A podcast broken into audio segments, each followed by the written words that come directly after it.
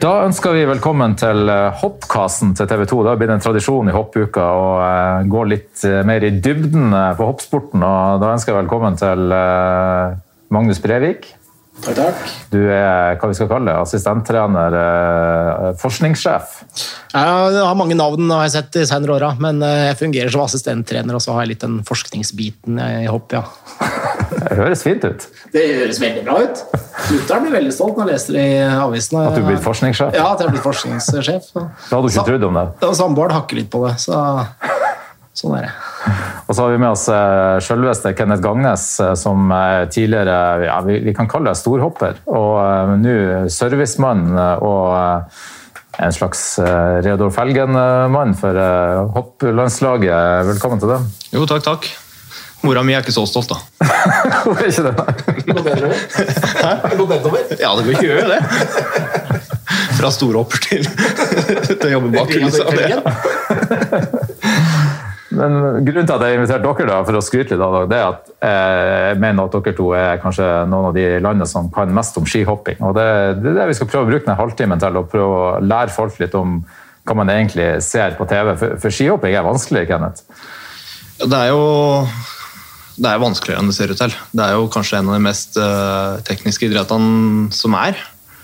Og sammensatt med mye, mye eksterne faktorer som avgjør uh, hvor langt man kommer i bakken og hvor mange poeng man har på lista når man er ferdig. Så det er jo, det er jo komplisert hvis du skal begynne å plukke fra hverandre. Nå må du være helt ærlig med meg. Du hadde jo noen fantastiske sesonger. Du, jeg fulgte det tett. Blant annet du tok sølv i skiflygning og gull i, i lag. Men visste du alltid hvorfor du hoppa bra?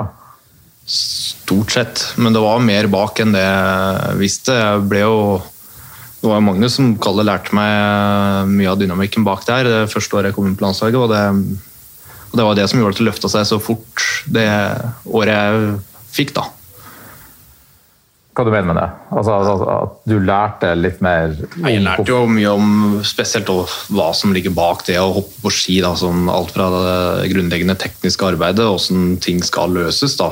Og, og fra det å alltid vært veldig nøye med utstyret mitt, men å ta det og steppe det opp et game til da, for å sørge for at i hvert fall ikke kan skylde på det. Ja, for at Magnus, Vi hører jo ofte hoppere si 'nå er jeg i form', 'nå traff jeg hoppet'. Men det er ikke nok i skihopping. Hvor, hvor mye er teknikken kontra utstyret? Altså Hvis du skal vekte i prosent?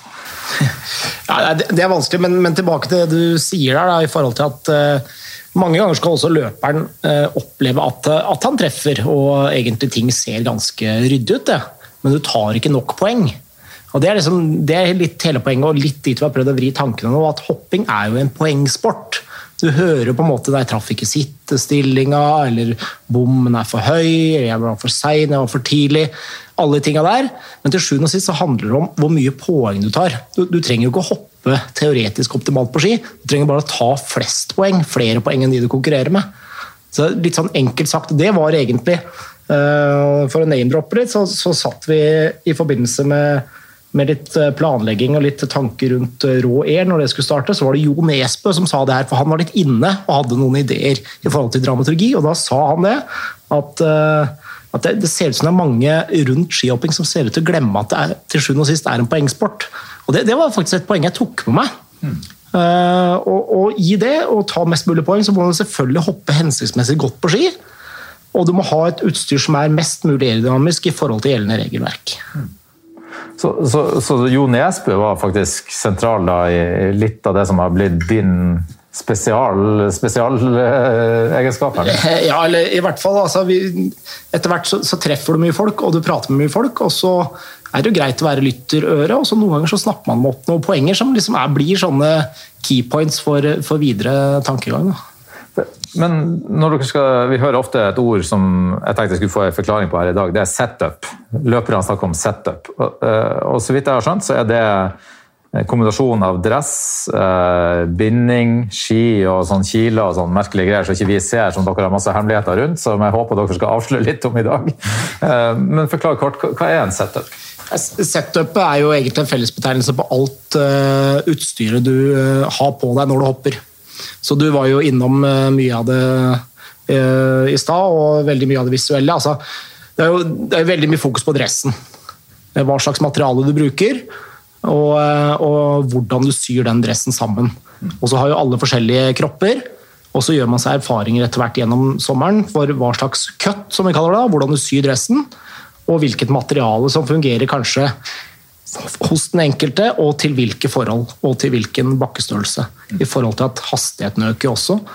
Og aerodynamikk, eh, løft og drag, er jo veldig hastighetsavhengig. Da. Kenneth, eh, du, da du hoppa, hvor bevisst var du på de tingene her? Ikke på langt nær sånn som det er i dag.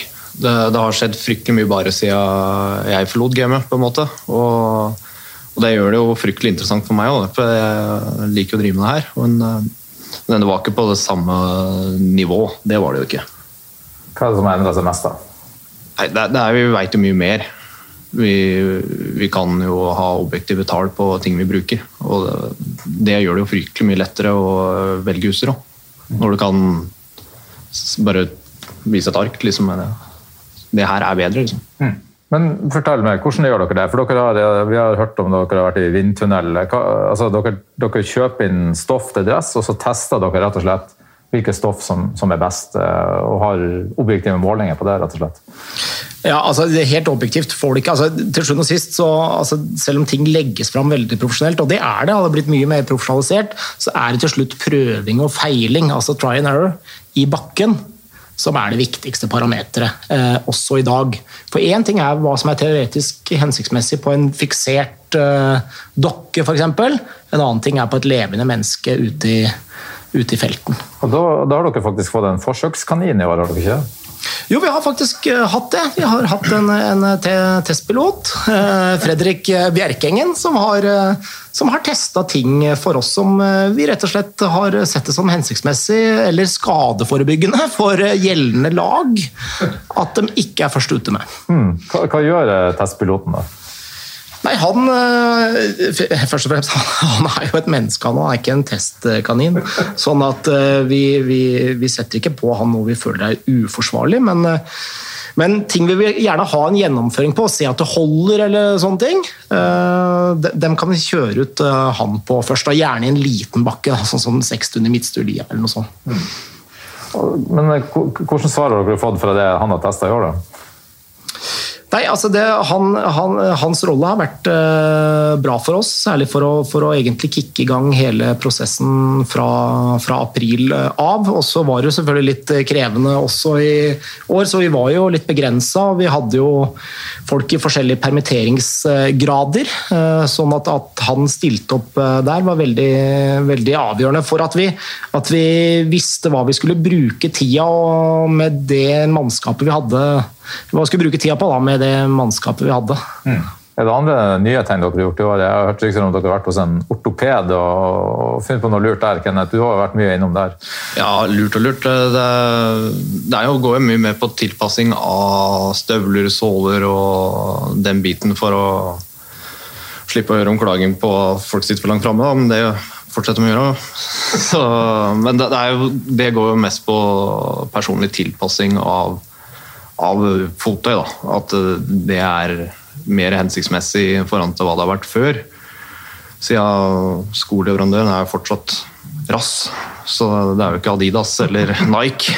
Så det, det, er, det varierer litt, så derfor er det greit å det kjente skomerket Rass. Som det kjente, ja. Vi ser Tom Rass ja. Ja. og Gritt Rass. Ja, så, så, så, man er helt avhengig av å gjøre si, altså, Du må inn og, og rett og slett snekre og, og, spikke de ulike endringene som skal gjøres? da? Ja, altså Jeg liker i hvert fall å være med på prosessen, siden det, det er jo regelverk å forholde seg til der òg. Så, så, vi ikke går utafor det, og at vi er innafor, og at uh, både utøver og meg og ortoped er fornøyd da, når vi er ferdig. Hva gjør du konkret, da? Nei, så Det går mye på forming rundt eh, bein. At eh, skoene kjennes tight og fine ut, men ikke for tight. og Ikke for pløsete. og så Den type ting. da. Hvor stor forskjell er det fra hopper til hopper? da? På, på det utstyret de stiller opp med? Nei, Det er ikke sånn veldig mye stor forskjell, men det, er, det oppfattes nok større sånn for hver enkelt utøver. Det gjør det nok. Mm, på hvilken måte? Nei, Det er som du sier på åssen ting er med tanke på balanse og, og skoa sin helhet. da, Med tanke på om de føler at den er veldig skarp i leggen eller sånne ting, og da med bruk av de kilene da, som du nevnte tidligere. Mm. Hva, hva er, er, det her eh, Vi hører jo en del hemmeligheter. Er det her eh, og støkkelsjue i sin tid, som var altså, støkkelskoene som ble stor sak her nede, er, det det det er snakk om når vi snakker om de her kilene og det, det som skal være inni skoene som ikke vi ser? Ja, altså, vi prøver jo selvfølgelig å, å, få ting til å bli mest mulig aerodynamisk. Eh, nå skal det sies at også måte det arbeidet med Østo da, på, på, Hamar, som, som, Kenneth har gjort, har jo også vært for å imøtekomme gjeldende regelverk. Altså, vi må bytte ut fasongen på noe av utstyret vi har, for å imøtekomme gjeldende regelverk. Og Før så var på en måte mobiliseringstida på det mye lenger. Altså Det tok oss mye lengre tid før vi fikk noe som, som vi kunne bruke eh, i forhold til det å matche regelverket. Og så Hvis vi ikke følte at det fungerte for den enkelte, da, så tok det liksom ny, en ny måned da, eh, før, vi, før vi fant det utstyret. Nå kan jo Kenneth bare kjøre bilen sin fra Lillehammer til Hamar, ned der, drive mye sjøl i samarbeid med kyndig personell, og, og ha ting klart på en dag eller to. Dere, dere, har rett og slett flytta litt av denne produksjonen og tilpassinga hjem eh, til Norge? da? Ja, det er jo det vi ønsker. At vi ønsker å ha ting hjemme. Mm. For det, det, nettopp pga. at mobiliseringstida blir jo fryktelig mye kortere. Mm. Samtidig så er det litt lettere med tanke på å forholde seg til folk som må snakke norsk. Mm. Og stedet for folk som snakker litt gebrokkent engelsk. Ja. Så det òg gjør det mye lettere. da. Men Føler du at det dere har gjort der, har vært med å gjør dere bedre rusta til eh, Eller har vært viktig for den suksessen vi bl.a. ser med Granerud nå? Ja, det er mye, mye mer. Det vil jeg si. Det er jo, det er jo, det er jo alt arbeidet fra flere folk som har noe med det å gjøre. Så, men det er jo absolutt en del av det. Mm. Nå har vi vært inne litt på, på det, det, tekniske, altså, altså, altså materialet her. Uh, igjen tilbake til, til dette spørsmålet ikke du vil svare på, Magnus. Men hvor mye har det å si da, for suksessen vi ser til, til Halvor Granerud? Det er jo mye der å si, men vi har i hvert fall eh, prøvd å etterleve nå i, i flere år at teknikk og utstyr da, er 50-50. Og, og, i teknikk så ligger jo selvfølgelig fysiske forutsetninger og, og taktikkeri altså eh, mange ting. Eh, mange faktorer som fører til en hensiktsmessig teknikk. Eh, og så er det på en måte halve pakka, og så er den andre halve pakka det er setupen, da, som vi var inne på i stad. Og hvis vi liksom spoler litt tida tilbake, da, så, så, tror jeg Jeg var ikke så gammel den gangen, men litt sett i ettertid og mye, mye hjelp på YouTube, da så, eh, sånn som rundt 2000, da, hvor det var på det svarteste i norsk hoppsport, så tror jeg ikke at folk var så teknisk på bærtur som eh, historien skal ha det til. Jeg tror de var veldig dårlige. Jeg tror de hadde ekstremt lang eh, Jeg tror de var ganske konservative på at utstyr ikke hadde noe å si. Og jeg tror de var ekstremt dårlige på å mobilisere ved, ved utstyrs- og regelendringer. Det var jo nesten sånn i FIS at dersom Norge var imot, så gikk jo dem eh, for. Da var de sikre på at det var et godt forslag. Så så eh, Det er litt for å på en måte prate litt pent om de som, som jobba hardt den gangen også, som jeg tror bare hadde litt feil fokus. Og så er det veldig lett å vikle seg inn i veldig tekniske, sammensatte problemstillinger når resultatene uteblir. Da. Og da er det veldig lett å hyle fra utsida òg, selvfølgelig. Ja, du, du, du, var inne på det i sted. Eh, du, altså, du, det gikk et lys opp for deg håper jeg, at, eh, når du skjønte hvor mye utstyr hadde å si det året du, du regjerte i, i verdenscupen? Ja, altså det, det, var i hvert fall å sørge på at det, var, det måtte være på plass. Da, og samtidig som jeg fikk en fryktelig mye større forståelse av det jeg holdt på med, som, eh, som vi prata på. Det, utstyr og teknikk må harmoneres for å få et bra resultat. Men 50-50, det er ganske det, det, er litt overraskende. Høyt tall på hvor mye utstyr har å si, men, men, men, er det så? Er du enig med Magnus? Ja, jeg er jo enig med han. Mm. Har du erfart det sjøl? Ja, jeg har jo drevet med dresser som jeg tror jeg har hatt fryktelig trua på Deisekuren, så jeg veit jo hva en dårlig dress er. Så ja, så du mener at da du var på ditt beste, så hvis du tok på deg en dårlig dress, hadde du blitt sist og ikke vunnet? Liksom? Ja, jeg hadde i hvert fall blitt vesentlig lenger ned på resultatlista. Mm. Er det, altså hvor viktig er den samtalen du har med hopperne i forhold til eh, når, når, når de skal Jeg ser de går alltid inn i bua til deg først, henter ski, og så snakker dere sikkert litt om forskjellige ting. men hvor, hvor mye fokus har du på de samtalene du har med hopperne i dag? på, på akkurat det? Nei, ikke når jeg liksom holder på ting flyter, så er det ikke sånn at vi går veldig til bunns i eh, utstyr og teknikk. Da er jeg mer enn kanskje en, mer en sparingspartner og kompis inni der. Mm. Og det, når vi virkelig driver med jobber med det her, så er jo det på sommeren. Det er jo På vinteren så, så flyter egentlig ting veldig greit, for ting er mer eller mindre satt. da. Ja, Det må være på plass før vinteren begynner? Ja, i hvert fall. Hvis ikke så blir det jo fryktelig mye styr. da. Det mm. blir jo mye mer stress for utøveren nå, hvis ikke det er klart. Så det, det, var kanskje det som var mye med Halvor i fjor. da. Mm. Ja, hva skjedde med Halvor i fjor, da? Nei, det var jo ble noen bindingsgreier der som man ikke helt fant ut av. og Så begynte jo vinteren, og så drifta vi egentlig litt hvert og vårt. Og så vi, fikk vi tatt tak i det fra, egentlig fra sommeren, og så latt jeg jo gå tid. da, Samt at det var jo mye tekniske ting som måtte på plass. Mm. Men det at han også hadde litt utstyrsrøbbel, var medvirkende til at det ikke gikk så bra? Det var i hvert fall den perioden det begynte å butte litt. hvert fall. Jeg husker Halvor sa til meg at, at, at, han slet med det her før sesongen. og Da han ble vraka til første rennet, så, så oppga han det litt det som årsak. rett og slett. Ja, men det, men det, er ikke en dårlig det er ikke noe unnskyldning. Eller, altså, det er ikke noe dårlig unnskyldning, det. At, eh, det er bare en forklaring? Ja, det er en forklaring, og jeg, jeg mener det er en god forklaring. fordi eh, Hvis du sliter litt med utstyret ditt, og så plutselig så står ikke resultatet til forventningene dine, og hvis det liksom blir for stor avstand mellom forventninger og resultat, så, så, skaper det stress. Og så begynner du på en måte å endre litt i forhold til hva du har trent på tidligere, og egentlig prøver å gå litt utafor ditt eh, faste mønster, altså ditt fingeravtrykk. Alle hopper og hopper. Du, du kan kjenne det med igjen hele karrieren. Det er ikke dramatiske endringer i teknikk, men det er ofte bare en, en bedring og en, en, harmoni med utstyret.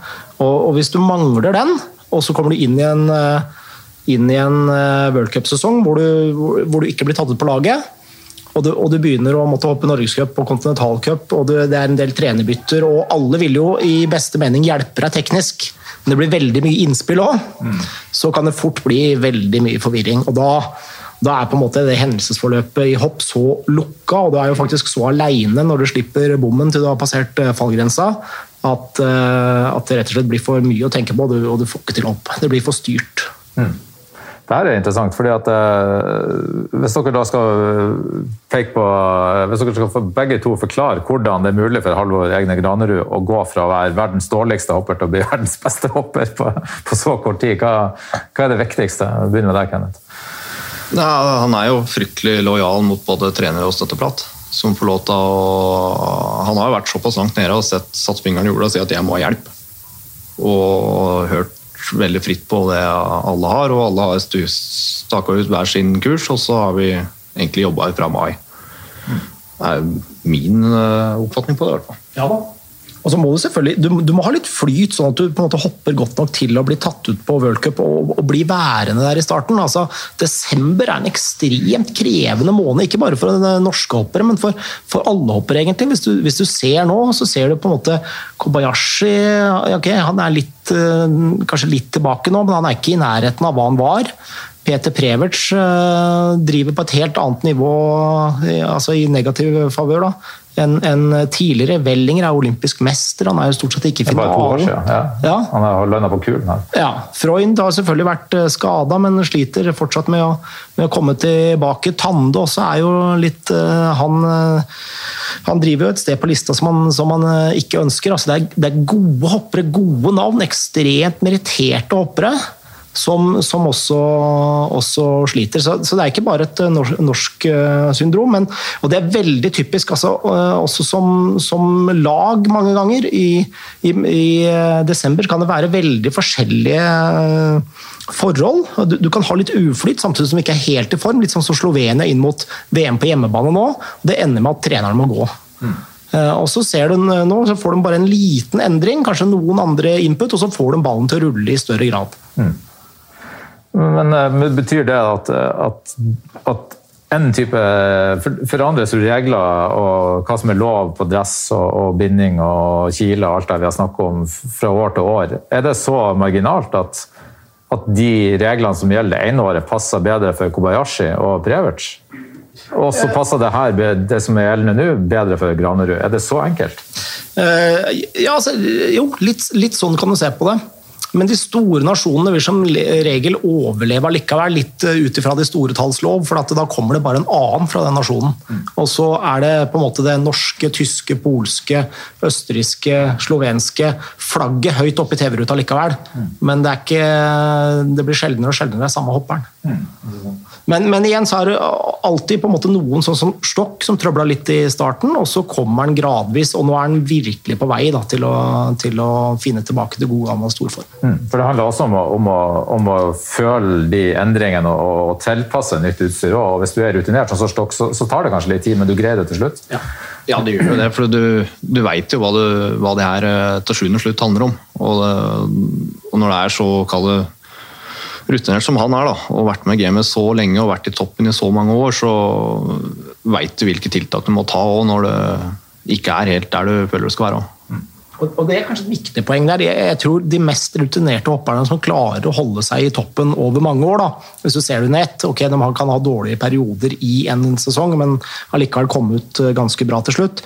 Jeg tror de har anerkjent akkurat det her i større grad enn enn kanskje de nest beste. Mm. At, at, de, at, du må være tålmodig og du må være, gå ordentlig inn i de endringene som, som, skal gjøres. Da, rett og slett. Ja, Det er jo litt som når du, det intervjuet du gjorde med, med, Kraft i fjor. Han var jo veldig klar på det. ikke sant? Mm. Og Kraft er jo en av de mer stabile, gode hoppera i dyre tid. Uh, og, og, han sa det jo til deg at måte, han hadde veldig fokus på materialet. Mm, er sant. Interessant. Men uh, har, i år så er det en morsom sak som, uh, som vi journalister har ledd veldig godt av. Det var jo den uh, saken som dukket opp etter Kusamo når de finske kombinerthopperne hadde putta bomull og kluter i underbuksa for å få et litt større skritt. Ja.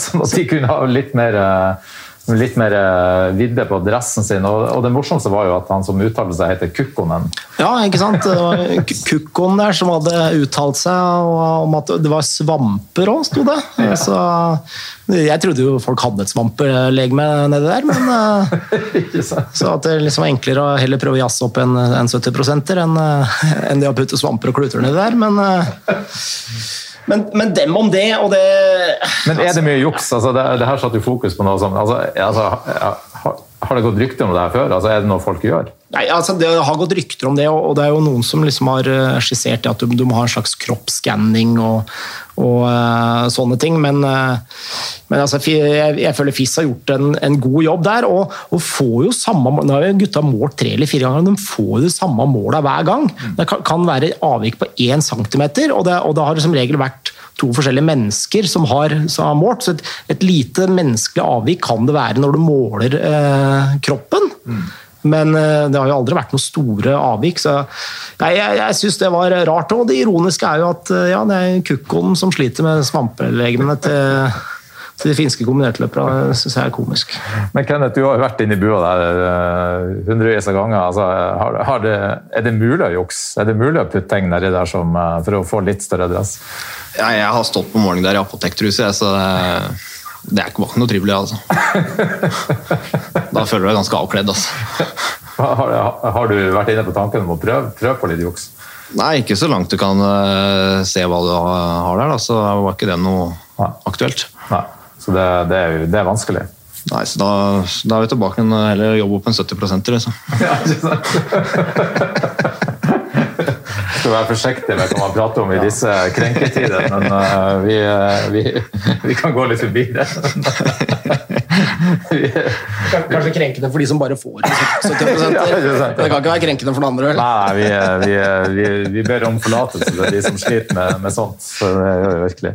Men det er mye røverhistorier. Det er litt sånn uh, på det her med utstyr. Dere kikker mye, og dere er veldig opptatt av hva de andre gjør. Altså, hvor, hvor, hvor mye sånn skuling og si, spionasje blir det? Det er mye, det, selvfølgelig. Altså, når vi kommer hjem fra, fra en kvalik eller, eh, eller et hopprenn, så prøver vi som regel å se rennet på nytt på, på TV. Og, for TV-bildene er jo ofte bedre enn hva man får med seg bare nede på sletta eller fra, fra trenertribunen. Ja. Og vi prøver selvfølgelig å, å følge med og, og, ta video der det er lov av, av gode andre, løpere. Ja, ja, for å se på det, Men det kan være teknikker og det, altså. Mm. altså. Noen år så føler du at regelverket kanskje er sånn at i år må du hoppe litt mer framover, eller du må rotere litt mer, eller i år må du hoppe litt mer rett opp og ned. Litt avhengig av hva som, hva som fanger deg ute i, i, lufta der, som en følge av utstyrsendringene.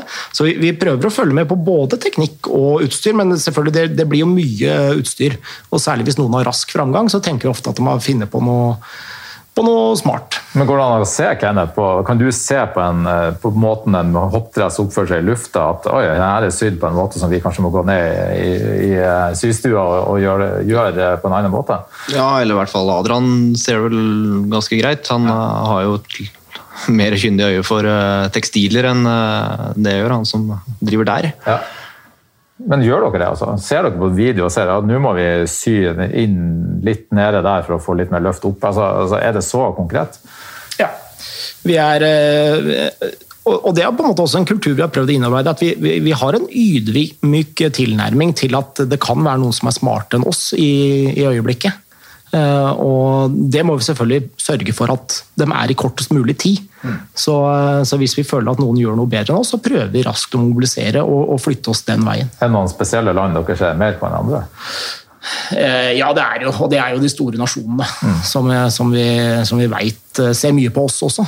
Mm. Så i perioder så føler vi jo at vi leder an, og i andre perioder så føler vi at vi ligger litt bak. Og så prøver vi jo selvfølgelig alltid å være ledende, men det, det, er, det er selvfølgelig krevende. Mm. Eh, jeg ser du, Kenneth, du har jo litt samtale med andre land sine servicefolk og sånn. Eh, merker du at noen er nysgjerrig på hva, hva du driver på med? Ja, ja, det gjør jo det, men det, det, det, er jo blitt en sånn kultur at ingen som spør. Okay, så det er For det, sånn alle vet at det er ingen som får noe svar. Ok, Så det blir hemmelighetskremmeri? Ja, eller i hvert fall folk eh, gir uttrykk for det. i hvert fall. Mm. Så folk snakker ikke noe særlig mye om sånne ting eh, innad med de andre servicekarene der, i hvert fall. Nei, Men det er litt skuling? Ja, det er jo absolutt. Ja. Det står jo i dørs, dørsprekken her hele tida og kikker, da. gjør du det? ja, jeg gjør jo det. Jeg er paranoid, vet du. Så her, her skal ingen hemmeligheter ut? Er det sånn at eh, Hvis du får spørsmål om ting, eh, er dere nødt til å lyge litt for, for sånne som meg innimellom òg, hvis vi blir for nærgående og spør om ting? Eh, dere har blitt diska noen ganger for, for dresser, så spør vi har dere, har dere juksa bevisst, så sier dere nei, nei, nei. Men, men må dere lyge noen gang òg? Eh, det er mange ganger vi kanskje ikke sier helt eh, den eh, fulle sannhet, men vi føler aldri at vi ljuger. Altså, vi prøver alltid å være på grensa, fordi vi, vi vet at vi må være det. Men vi ønsker ikke å, å trå over den grensa, for da, som vi var inne på i starten, da får du null poeng. Ja, ikke sant. Men, men, men, det er jo et dilemma, også etisk, vil jeg tro, også internt, at, at å pushe den grensa hele tida vil jo gjøre noe med holdt på å si, eh, moralen og hvordan man ser på det. Gjør det ikke det? Jo, men, men eh, FIS har en veldig velfungerende kontroll, spør du meg. Mm. Som, eh, som, gjør at de, de, henter oss inn dersom de mener at dette her blir, blir for drøyt. Så hvis du pusher for langt, så, så blir dere tatt? Ja. Mm. Men det handler jo også om å ha en, ha en god dialog og, og, egentlig ligge litt i forkant og kanskje spørre før. altså Istedenfor å for å trå over streken og få beskjed etter. Mm. Ja, for Det så vi jo i OL i Vancouver i 2010, når det han Staget eller Amman som revolusjonerte hoppsporten på mange måter, kom. så ja. fikk han jo lov til det, mens ingen andre hadde det utstyret. og Det var vel litt sånn at ja. han var litt proaktiv. Da. Ja, da, da, var han smart, ikke sant? og så ble det en sak på lagledermøtet, og til sjuende og sist så ble det stemt over. Ja. Og han fikk lov til å bruke det. Det var selvfølgelig, det var jo bare en idé som andre ikke har tenkt på før som han, eh, som han, var smart på, og hans servicemann var, var smart på. Skaffa seg en fordel der. Det har jeg jo sett i ettertid, for nå hopper jo alle med det. Mm. Så at etter hvert så mister jo han den fordelen, selvfølgelig. Eh, men som du sier, der var han proaktiv og, og smart og spilte spillet bedre enn de andre. Mm. All ære. Ja, Kenneth, du hoppa jo litt på den tida. Altså, han var jo milevis foran dere. Det er det, det beste beviset på at utstyret har sinnssykt mye å si. i hopp. Ja, I nyere tid så er det der, for han tok jo to OL-gull. Mm. Det hadde han ikke gjort uten det staget. Ja, det får vi aldri svaret på, da. Men, men, men han, han, sitter jo med, med de to gullmedaljene, så det er jo rimelig å anta at uh, han var jo helt klart den lureste da. Mm. Og siden alle begynte å mobilisere fryktelig fort i ulike typer Reador Felgen-løsninger for å få samme effekt. Jeg var jo en av dem sjøl. Hva du gjorde Jeg lagde en aluminiumsbrakke som jeg satte den klipsen i, for jeg hadde jo ikke det staget, men jeg hadde en snor Ja. som jeg festa en sykkelvaier på, på innsida, for den var justerbar. Som jeg kunne justere på om den her skulle være- være tilte mye eller lite. da. Ok. Så det var Hvordan jo- Hvordan funka det? Det fikk jo den, jeg fikk jo ut det jeg ville ha det. Jeg fikk jo litt flatere ski. Ja. Men eh, absolutt, det var mye bedre når, det, når jeg fikk det staget der. Ja, det var ikke noe tvil om. Men- Men eh, det gjorde nytta der og da.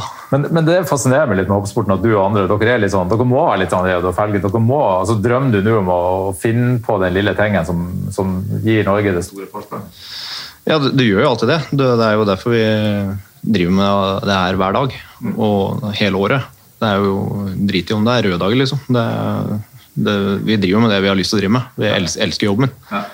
Og det har jo blitt sånn at Å finne helt det store er jo blitt snart umulig. Så det blir jo å finne 0-1, da. Ja. sum, summen av 0-1 blir jo bra. Av mange. Det blir jo det, det voksne bildet på, på, eh, på det å stå i dyreparken i Kristiansand med sønnen din på tre og grave etter gull. Er, du, du siler mest, eh, mest sand, men uh, til slutt, til slutt så kanskje du finner en liten gullklump, da, og da er jo dagen redda. Eller sesongen. Og så er det det, Man ønsker jo på en måte å revolusjonere sporten hvert eneste år, men, eh, men så dyktig er det ingen som er. Så eh, Noen år så er det Norge som har en fordel, noen år så er det Østerrike eller Tyskland eller Slovenia eller Polen. Så, nei, det er, det er ekstremt interessant, det er klart, men det er sært. ikke sant? Det er eh, Etter hvert som jeg begynner å bli 37 år og sitter rundt stort sett, eh, hvis jeg er hjemme, rundt et bord med, med folk på mellom 35 og og 40 som sitter i vanlige jobber, enten det er ingeniør eller i finans. ikke sant? Og det å liksom skulle prate om Du skulle hatt den og den hoppdressen og sånne ting. Det, altså det, det blir Noen ganger så føler du det litt uh, teit, men det er, det er da min lidenskap, da. Som jeg sa når jeg la opp så, og fikk fortsette å drive med det, så er jo det er jo helt klart det nest beste. Og det er jo milevis unna alternativ nummer tre. For det, Som er nei, det er jo en helt vanlig Få seg en ordentlig jobb. da, Sitte på kontor og På jobb. På jobb. Klukke inn faste arbeidstider og Så det her er på en måte en lidenskap, eh, men også mye kunnskap. Ja, du kan, kan si at det er jo veldig få som får lov til å leve av lidenskapen sin. Da. Og reise rundt og drive med det du har mest lyst til å drive med. Så må jeg være litt takknemlig for at jeg har noen hjemme som aksepterer det. da. For det er jo noe med det. Men, men selv om, om vi har nerda mye nå altså, når man, altså, Har dere fortsatt den like stor glede av altså, oss vanlige dødelige av å se et godt skihopp? liksom? Kan du se på et skihopp og tenke åh, det her var fint, og uten å la være å tenke på alle denne mikkmaket vi har snakket om? Ja. Det er jo opplevelsen av hele pakka som er helt uh, sinnssyk å se på. Spesielt når jeg husker åssen jeg var sjøl. Og kan dyrke det gjennom andre. Det er jo som jeg sier, det er jo nest beste. Og det, for meg så er jo det bare for nå desidert beste jeg kan si. Magnus, du, har du er et følelsesmenneske. Du, du kasta opp da din elev Rune Welta tok VM-gull i 2015. Du lar deg rive med. Ja da, nei, men eh, til, i forhold til spørsmålet ditt der, så, eh, så jobber vi jo til slutt og sist for at et skihopp skal se veldig veldig enkelt ut. Og når det ser veldig veldig enkelt ut, da er det som regel veldig mye bra som ligger bak. Mye da avansert, ja. Utstyr og teknikk. Det er et lite paradoks. Ja, det er, det er, det er absolutt det, men eh, ser det helhetlig enkelt ut, så, så er det veldig mye eh, kunst i det. Kunst, rett og slett. Ja, altså skikunst, kan man kalle det. Hallo, Egne Granerud, eh, hva skal vi si om han til slutt? Så Den sesongen han har hatt, hvor, hvor fantastisk er det, det vi har sett? Det er jo det alle skihoppere drømmer om. Han lever jo drømmen til omtrent alle skihoppere i hele verden per nå. Og det er jo helt sinnssykt. Det, det, det er jo Jeg skulle ønske jeg fikk oppleve det sjøl. Du var jo i nærheten, men ikke, ikke så bra. Det var mye andreplasser og tredjeplasser. Det var jo, Preverts hadde jo tidenes sesong der. Det Ødela meg for mye, det. Kunne vært det hvis det ikke var for han. Ja, Snøyt av nesten med Millo, da. Gjorde sikkert det. I hvert fall. Si 800 000, da. Å tenke på. det, det er jo det. Du får skyldt på Magnus, da. Utstyret var ikke bra nok. Og, og, og jeg kan gjøre som Jesus, jeg. Jeg, kan, jeg tar den så de andre er glade. Det er bra. Hvordan er det for deg, Magnus, å se en utøver lykkes så, i så stor grad som eh, Graner har gjort i år? Det, det må være deilig for dere som trenere? Ja, ekstremt uh, gledelig, og det, det er det alltid. Og, eh, jeg prøver liksom å være tøff eh, og, og eh, ja, hva skal jeg si? Late som ting ikke går inn på meg, men det, det gjør jo tydeligvis det. For jeg, jeg, jeg fikk jo brekninger også etter, etter vi vant eh, VM i, skiflyging i, i Planica, i heisen. ned. Lobben har noen videoer av, av det. Stygt om det, men Så du blir fysisk uvel? ja, det, det, det er tydeligvis min reaksjon, da. Du kaster opp når du blir glad? Ja, tydeligvis. Det har skjedd tre ganger nå, så Så da hopper vi på du sønnen? Kast opp det. Nei, jeg, da, det, er, det, det, det føler jeg var dårlig overfor barnemor òg. Det, er, det var nok hardere for Det var nok til, vanskeligere for hun. Det var større innsats i hvert fall fra hun. Ikke sant. Men da hopper vi på noen brekninger når eh, Granerud vinner hoppuka. Da skal vi si det at i løpet av noen dager så, så er vi der igjen. Nei, det, altså, det er en uvane jeg prøver å bli kvitt, men vi får, vi får se. Da sier jeg bare takk for meg. Jeg heter Per Angel Berntsen, og veldig fint at dere har lytta på denne hoppkasten. Og ja, hvem vet, plutselig en gang senere i vinter så er vi tilbake med nye nerdeepisoder om skihopping. Takk for at dere hørte på.